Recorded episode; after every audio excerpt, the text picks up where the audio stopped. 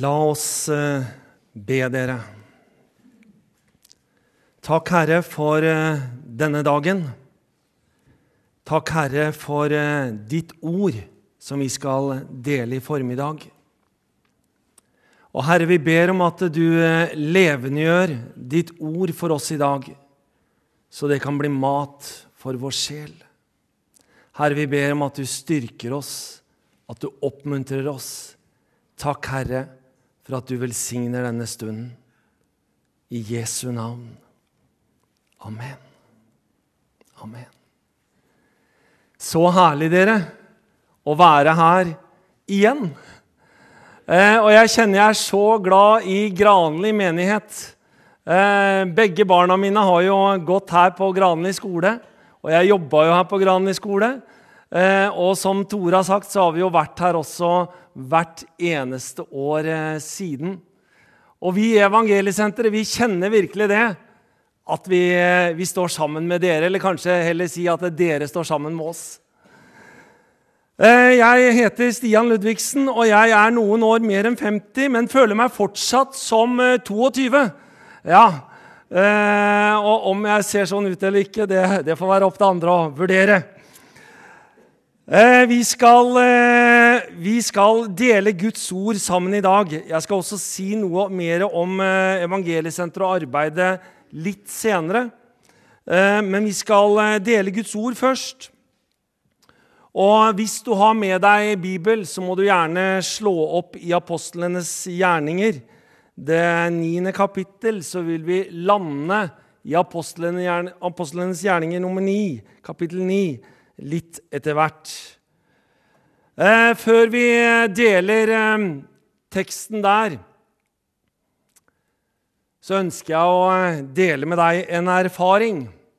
Jeg føler jo liksom det at jeg kjenner dere veldig godt, da, så jeg får våge meg på det. For det jeg ønsker å si litt om i dag, er noen tanker som jeg har kjent litt på selv.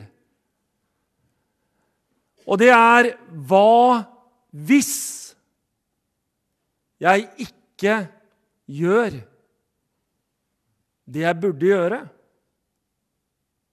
Eller hva hvis jeg gjør det jeg burde gjøre?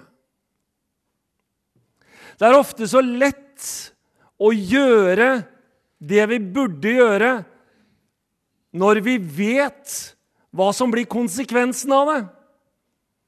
Hvis jeg vet at fordi jeg gjør dette, så får jeg det bra. Og fordi jeg gjør dette, så kanskje jeg ikke får det så bra. Det er alltid så lett når man vet konsekvensen. Jeg hadde en eh, veldig sånn dyrkjøpt erfaring. Eh, vi på Evangeliesenteret i Oslo har jo et, et stort kontaktsenter der. Eh, masse rusmisbrukere som kommer innom. Evangeliesenteret har 19 19 kontaktsentre rundt i hele Norge. Og vi har flere rehabiliteringssentre og mange mennesker, hundrevis av mennesker som kommer innom oss og får hjelp. Eh, på torsdag torsdag var det 550 tungt belasta rusavhengige som var inne på kontaktsenteret. Og jeg vil si det sånn at det, det er ikke noe nød i Norge som ikke fins der. Der er alt. Der er det overdose, hjertestans, gjenopplivning.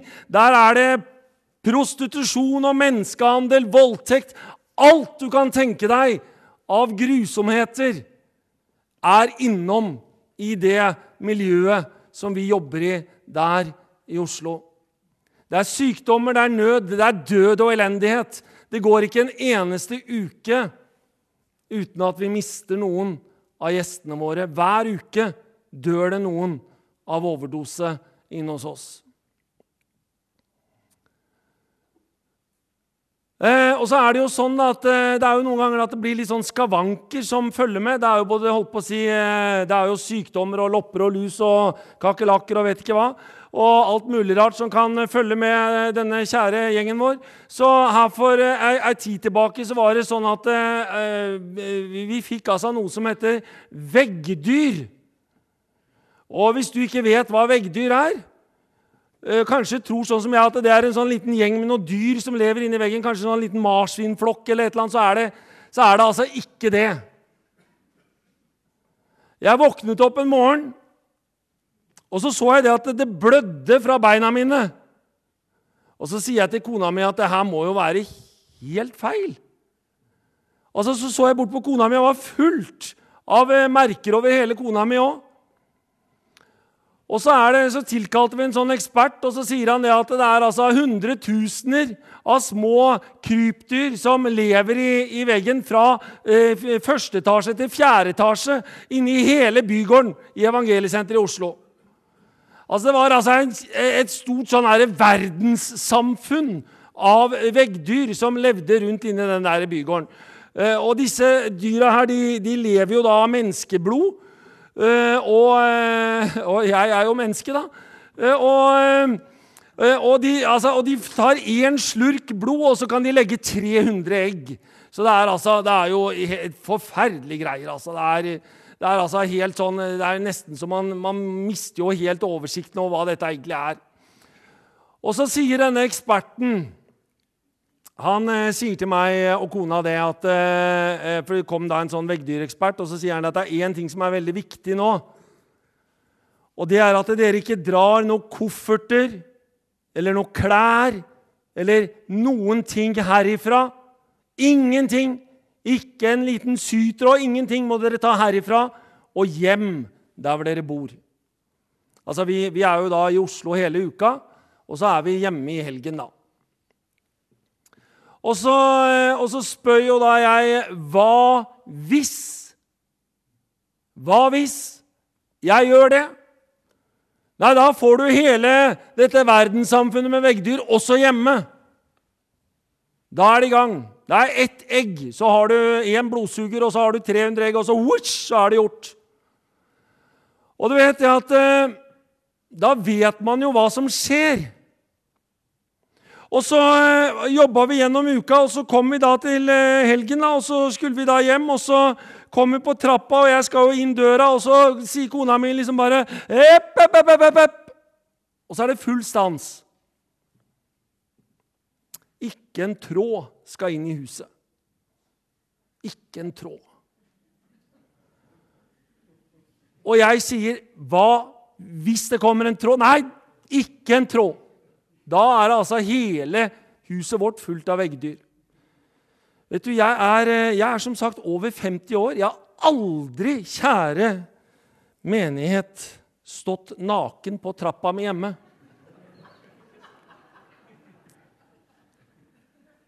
Det har for øvrig aldri kona mi heller gjort. Men altså, når man vet konsekvensen Hva hvis? Når du vet hva som skjer hvis du ikke gjør det, da er det mye lettere å gjøre det. Altså, Det kunne ikke falle meg inn å stå naken på trappa sånn bare for å gjøre det, liksom. Men når du vet hva som kan skje, ja, da er man kanskje villig til også å gjøre de ting som man kanskje ikke har lyst til å gjøre da.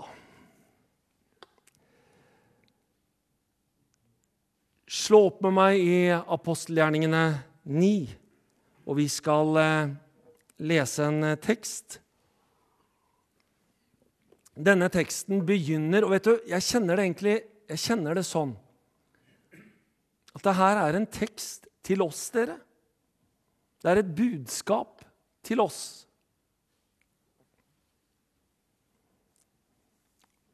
Den, eh, den, historien her begynner egentlig i kapittel 8, så jeg vil oppfordre alle sammen til å gjerne lese både kapittel 8 og kapittel 9 i Apostlenes gjerninger når du kommer hjem. Men når man leser i kapittel 8 i Apostlenes gjerninger, så kan du lese om en mann som heter Stefanus. Han blir drept for sin tro. Og en av de medskyldige til dette drapet er Saulus. Det står i Guds ord at eh, Saulus dro ut menn og kvinner av husene og kastet dem i fengselet. Det står videre at eh, Saulus fnyste av mord og trusler. Det er som at han puster mord og trusler. Denne Saulus var en eh, farlig mann for alle kristne på denne tiden kanskje den eh, største trusselen. Han går til ypperstepresten, og han får et brev, et legalt dokument, på at han kan ta til fange alle kristne som han finner, og føre dem i lenker til fengselet. Saulus reiser til eh, Damaskus for å finne kristne som han kan fengsle. På veien til eh, Damaskus åpenbarer Jesus seg for han. Og Jesus og, og Saulus sier, 'Hvem er du, Herre?' Da er det Jesus svarer, 'Jeg er Jesus, den du forfølger'. Et møte med Jesus på Damaskusveien forandrer Saulus sitt liv opp ned.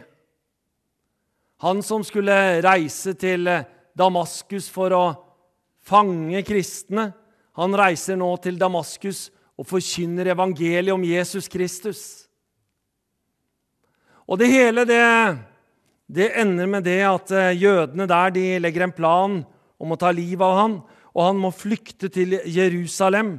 Og det er akkurat i det øyeblikket her, når Saulus har flykta til Jerusalem, at vi stuper ned i apostlenes gjerninger, kapittel 9, og vi leser fra vers 26 til og med 28 i Jesu navn.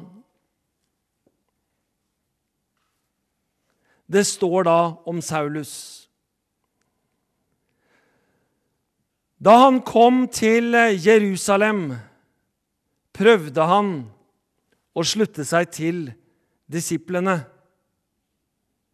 Men alle var redde ham, for de trodde ikke at han var en disippel. Men hør Men Barnabas tok seg av ham og førte han til apostlene. Han fortalte dem hvordan Saulus på veien hadde sett Herren, og at Herren hadde talt til han, og hvor frimodig han i Damaskus hadde talt i Jesu navn. Etter dette gikk han inn og ut hos dem i Jerusalem, og han forkynte frimodig i Herrens navn. Denne Saulus som vi har lest om, er senere kjent som eh, Paulus. Apostelen Paulus. Han er også kalt eh, hedningenes apostel. Det mennesket som eh, brakte evangeliet ut til hedningene, til oss. Apostelen Paulus. Det sto at han prøvde å slutte seg til disiplene, men de var redde.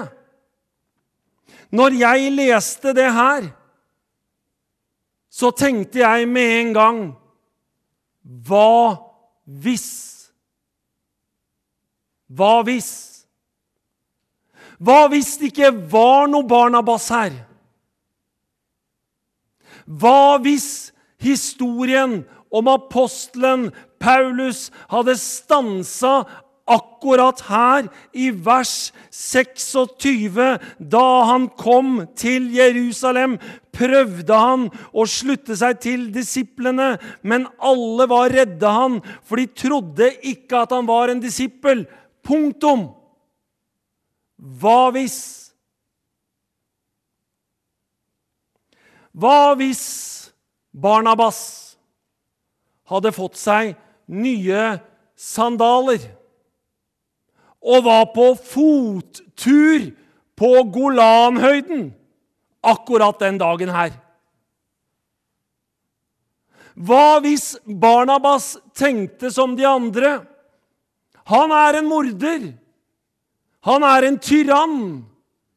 Han er kommet for å fengsle de kristne. Hva hvis?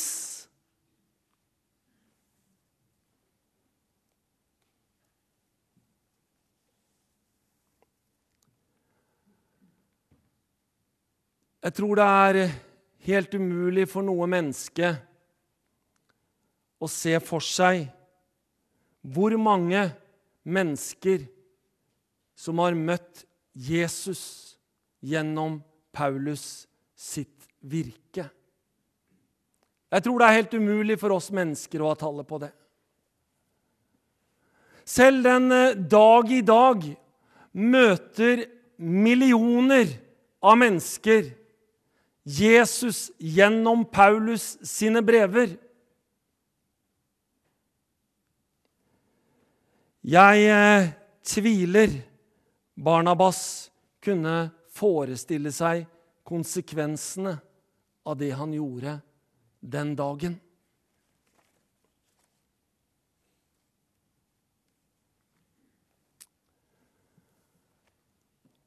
Noen ganger så er det sånn at jeg tenker tilbake på mitt eget liv.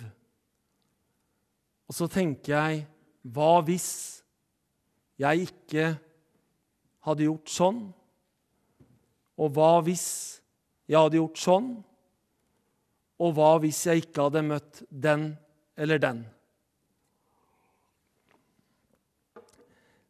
Jeg er oppvokst i en eh, helt normal familie. Jeg hadde en helt normal oppvekst, barndom. Det var ikke noe ekstraordinært eller noe spesielt. Jeg følte det var sånn ganske A4. Når jeg kom i tenårene, så begynte jeg å, eh, å skulke skolen. Og eh, og jeg begynte ganske tidlig med rus. Og etter hvert så, eh, så ble jeg kriminell. Jeg ble satt i fengsel. Og jeg, jeg, jeg tror jeg tenkte det, at jeg, jeg, har kontroll. Og jeg tror jeg tenkte det, at jeg skal en dag så skal jeg bli helt vanlig. Jeg tror jeg tenkte det. Og det ble rus fra morgen til kveld, og det ble verre og verre og verre. Og til slutt så var det sånn at eh, jeg la meg ikke til å sove uten at heroinsprøyta lå klar på nattbordet, sånn at du om morgenen bare kunne sette et skudd for å komme seg opp av senga.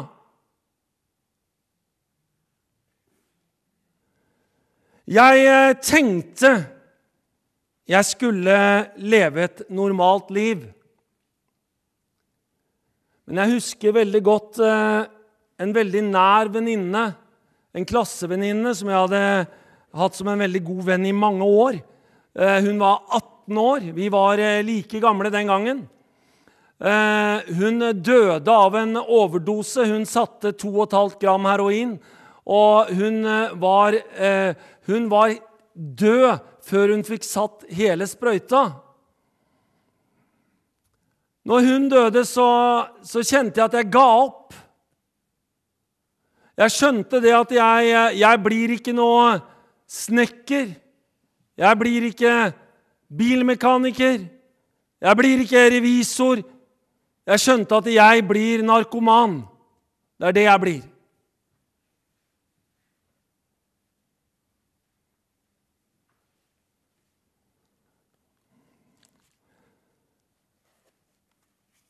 Gjennom åra så har eh, mange av mine venner de har eh, dødd av overdose. Min kone har en, eh, en bok Og den boka er eh, full av, eh, av navn. Og den er full av eh, dødsannonser. Det er over 80 navn i denne boka her. Det er over 80 dødsannonser i denne boka her. Alle sammen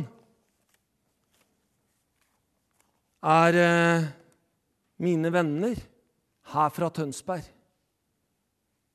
som er døde av overdose.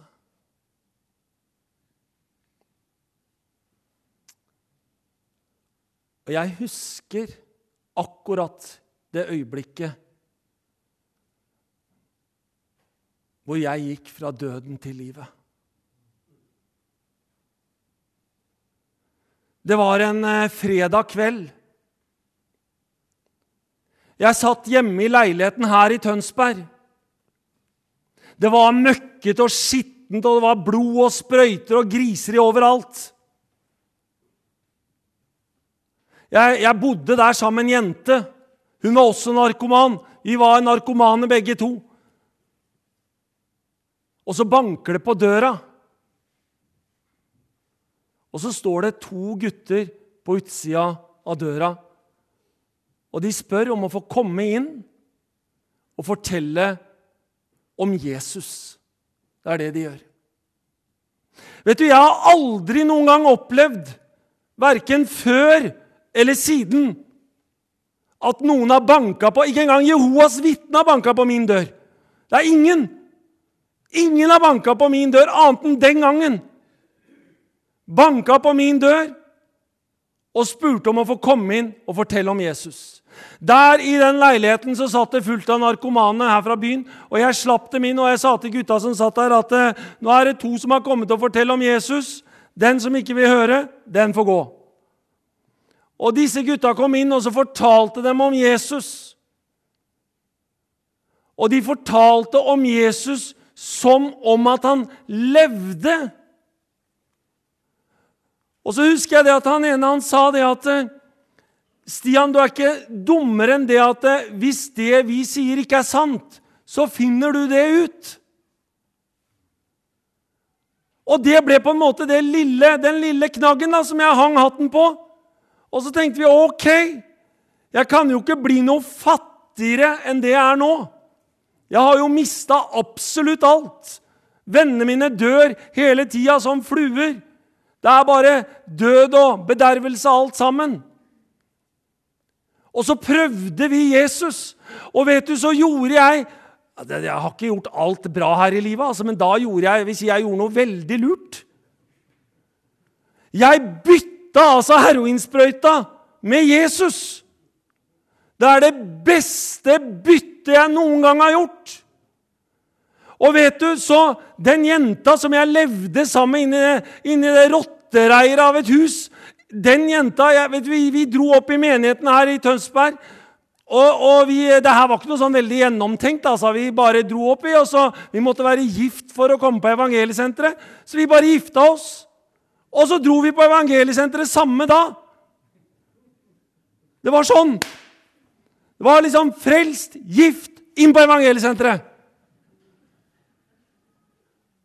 Det skjedde den 8. juli 1991. Det blir altså 32 år siden til sommeren. Og vi lever sammen vet du, i beste velgående. Kona mi og jeg, jeg er jo til og med altså, blitt dobbeltbestefar. Og gift med en ekte bestemor. Tenk på det! Er ikke fantastisk? Det er jo helt herlig. Men jeg har tenkt mange ganger hva hvis Hva hvis Harald og Stig, disse to guttene som banka på døra vår Hva hvis de hadde tenkt at nei, vet du hva, dette her gidder vi ikke? Hva hvis? Hva hvis de hadde tenkt at nei, nå gjør vi, vi drar på kino? Hva hvis? Hva hvis ikke Harald og Stig hadde banka på døra? Jeg har tenkt Hadde noen andre gjort det? Og skal jeg være helt ærlig jeg vet ikke. Jeg vet ikke om noen andre hadde gjort det. Som sagt så er det ingen andre som har banka på døra mi verken før eller siden.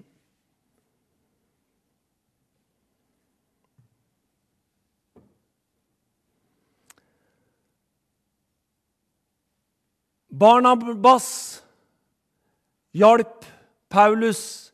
Det ble til uvurderlig hjelp for Paulus, men det ble til en fantastisk velsignelse for ettertiden. Og jeg, altså, jeg er veldig overbevist om det, at Barnabas neppe kunne se for seg konsekvensen av det han gjorde den dagen at han skulle hjelpe Paulus med en så enkel ting med å ta han i handa, ta han med seg til apostlene, si at dette er en ålreit kar, og så åpne døra inn for Paulus. At det skulle bli veien videre, så evangeliet kunne bli spredd ut til hele verden, så millioner av mennesker den dag i dag kan lese Paulus sine brever og bli velsigna, oppbygd, ja, få et liv med Gud gjennom det virket som Paulus har gitt til denne verden.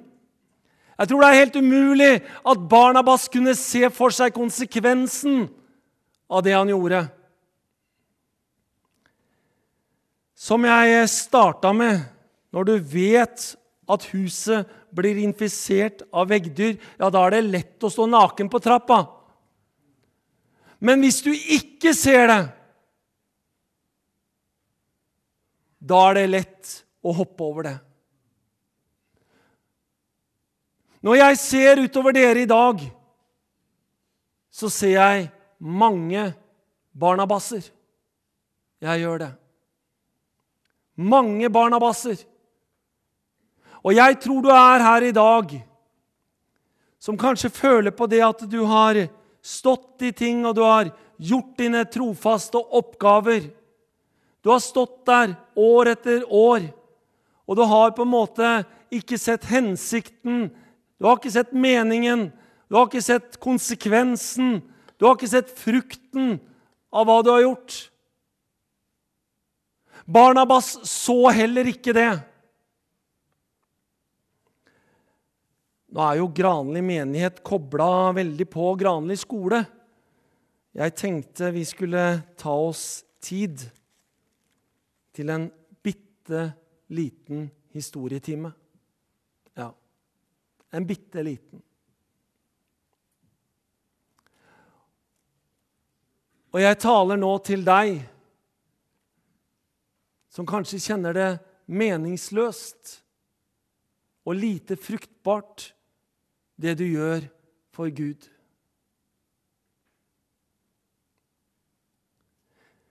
En liten historietime.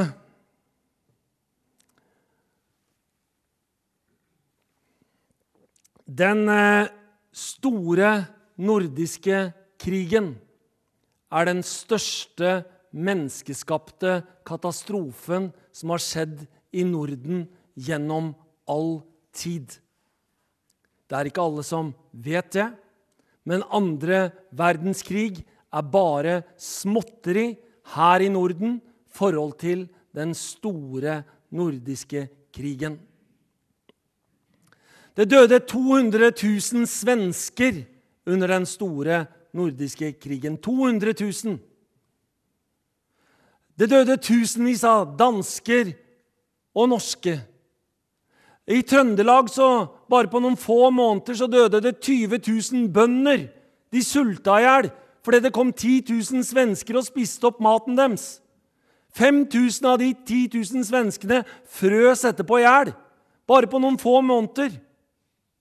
Den store nordiske krigen var en krig som varte her i Norden fra 1700 til 1721. I 21 år varte den krigen.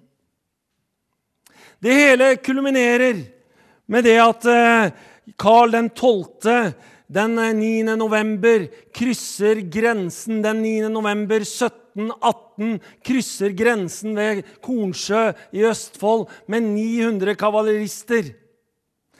De neste dagene så er det 30 000 svensker som invaderer Østfold.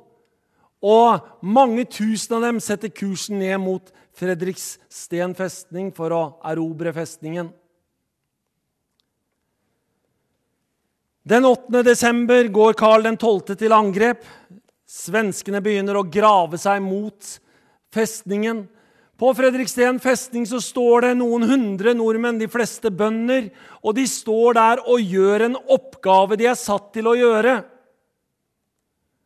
De fleste ser ikke egentlig hensikten med det de gjør, men de gjør det for det.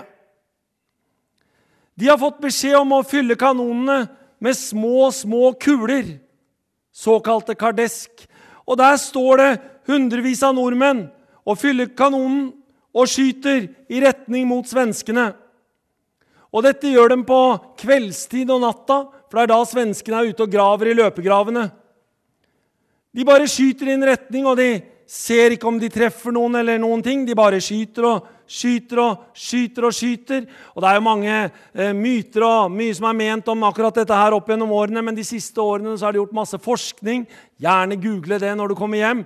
Men eh, det er altså sånn at man mener nå fast bestemt at 600 meter fra den svenske løpegraven så sto det en eller annen nordmann og han sto der med en kanon og fylte den med masse småkuler og fyrte av i retning mot svenskene.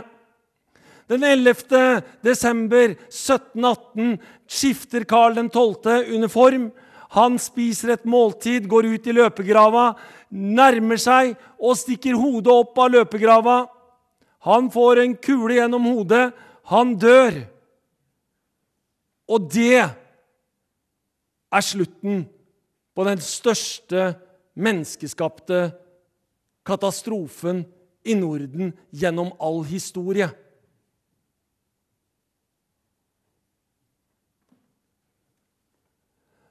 Svenskene trekker seg tilbake, men nordmennene de får ikke med seg det. Så de står bare oppå festningen og rundt omkring og fortsetter å skyte. Og de skyter og skyter i flere dager. Er ikke en svenske igjen der nede, men de gjør det for, det for det er det de har fått beskjed om. Her står vi på vår post, vi skal ikke svikte. Står der og skyter og skyter og skyter. 50 tonn med små blykuler sprer dem utover alt der. Og svenskene har dratt for lengst. Når de skjønner at svenskene har reist, så reiser også de norske soldatene hjem, hver til sist. Og et eller annet sted i Norge så er det en eller annen bonde som har stått ved en kanon og fylt den med kuler. Og han har stått og skutt utover et sted, et jorde et eller annet sted. Han har ikke sett hvor det gikk, eller hva som skjedde. Han har nå stått der bare. Og han lever da resten av livet uten å vite egentlig hva han egentlig har gjort. Det er ingen andre som heller vet hva han har gjort. Og det er ingen som noen gang kommer til å få vite at det var akkurat han som gjorde det. Men det var han som gjorde det. Og hva hvis han ikke hadde gjort det? Hva da? Jeg eh, spurte kommandanten på Fredriksten festning hva hvis Karl 12. ikke hadde fått den kula i hodet den 11. desember 1718. Hva da?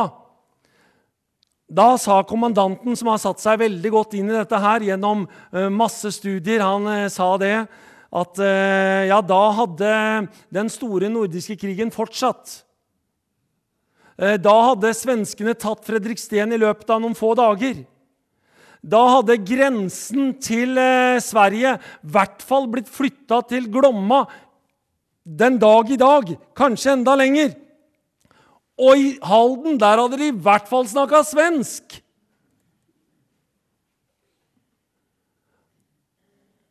Alt dette her fordi en eller annen nordmann gjorde det han skulle. Men hva hvis han ikke hadde gjort det? Da hadde altså elendigheten fortsatt.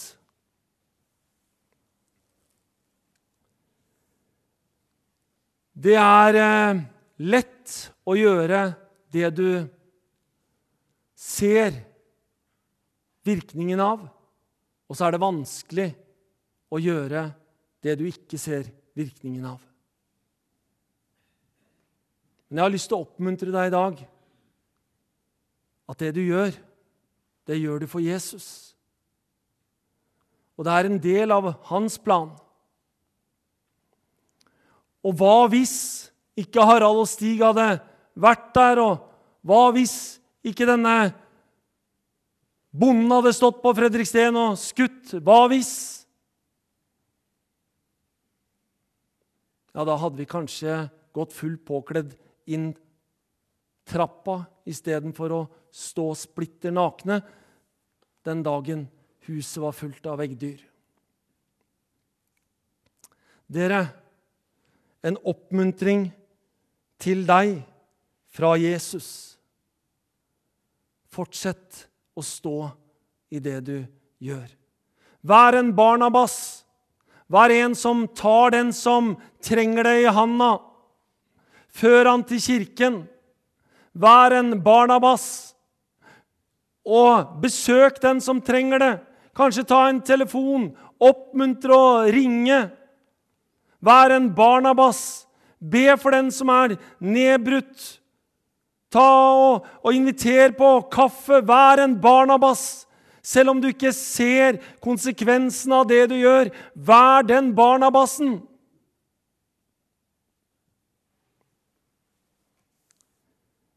Jeg har noen ganger tenkt hva hvis Lise og Ludvig Karlsen ikke hadde starta Evangeliesenteret? Hva da? Det er titusener av rusavhengige i Norge. Titusener som har fått et nytt liv gjennom Evangeliesenterets arbeid. Hva hvis? I Jesu navn. Amen. Før vi eh, avslutter, så ønsker jeg at vi kunne bedt en bønn sammen. Kanskje vi kunne gjort det sånn at vi kunne bare lukka våre øyne der vi sitter i benkeraden. Og så kan du være sammen med Jesus.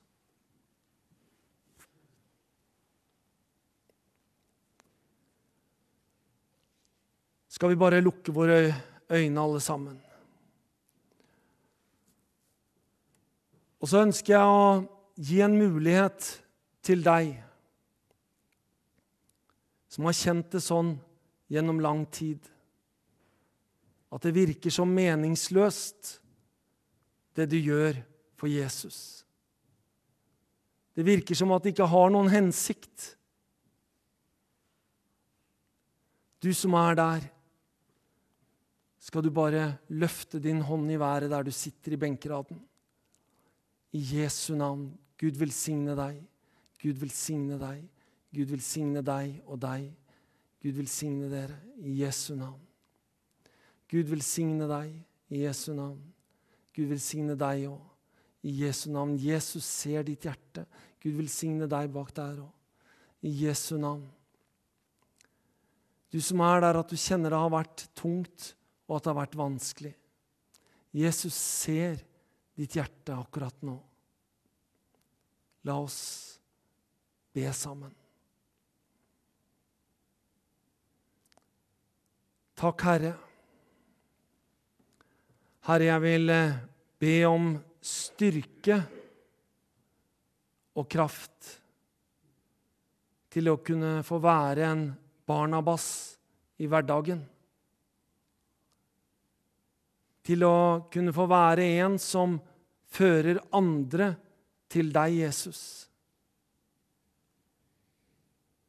Herre, jeg vil be om at du skal åpne øynene, så man kan se hensikten, så man kan se fruktene, så man kan få se konsekvensene av det man gjør for deg. Takk, Herre, for at du styrker og du velsigner akkurat nå i formiddag.